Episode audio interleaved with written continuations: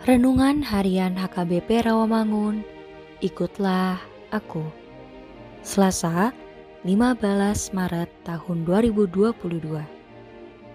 Yang berjudul Melayani untuk Tuhan. Bacaan pagi kita pada hari ini diambil dari kisah para rasul 5 ayat 17 sampai 20. Bacaan malam kita pada hari ini diambil dari Markus 13 ayat 33 sampai 37. Dan kebenaran firman Tuhan pada hari ini diambil dari Markus 10 ayat 45. Yang berbunyi, karena anak manusia juga datang bukan untuk dilayani, melainkan untuk melayani dan untuk memberikan nyawanya menjadi tebusan bagi banyak orang. Demikianlah firman Tuhan. Apakah yang mau dikatakan dengan melayani?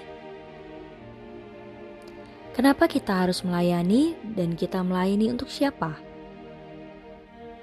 Melayani di sini adalah untuk Tuhan.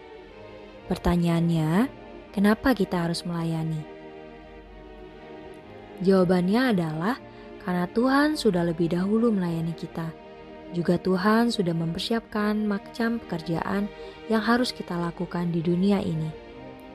Apakah pekerjaan yang dipersiapkan Tuhan untuk mendatangkan kerajaan Allah di dunia ini? Melayani terhadap sesama adalah perwujudan melakukan pekerjaan baik yang sudah Tuhan persiapkan untuk kita. Karena di dalam melayani ini juga adalah perwujudan kasih. Tidak ada pelayanan tanpa kasih dan tidak mungkin juga kita mengasihi tanpa pelayani. Itulah yang dikatakan dalam hukum yang pertama dan yang utama. Bagaimana kita dapat mengasihi Tuhan dengan totalitas kita dan juga mengasihi sesama manusia. Karena hukum kasih itu juga menjadi dasar iman kita untuk melayani Tuhan dan sesama. Nats ini mengingatkan kita bagaimana kita mampu menjadi pelayan-pelayan Tuhan yang memiliki rasa kepedulian terhadap sesama, sehingga mampu menghilangkan rasa ego dan harga diri sebagai penghambat kita untuk dapat saling mengasihi dan saling melayani. Untuk dapat melayani Tuhan dengan leluasa adalah mengerti akan tugas sebagai pelayan Tuhan, tidak melakukan pelayanan dengan tinggi hati ataupun dengan kesombongan apalagi mengharapkan pujian dari setiap pelayanan kita. Marilah kita berdoa.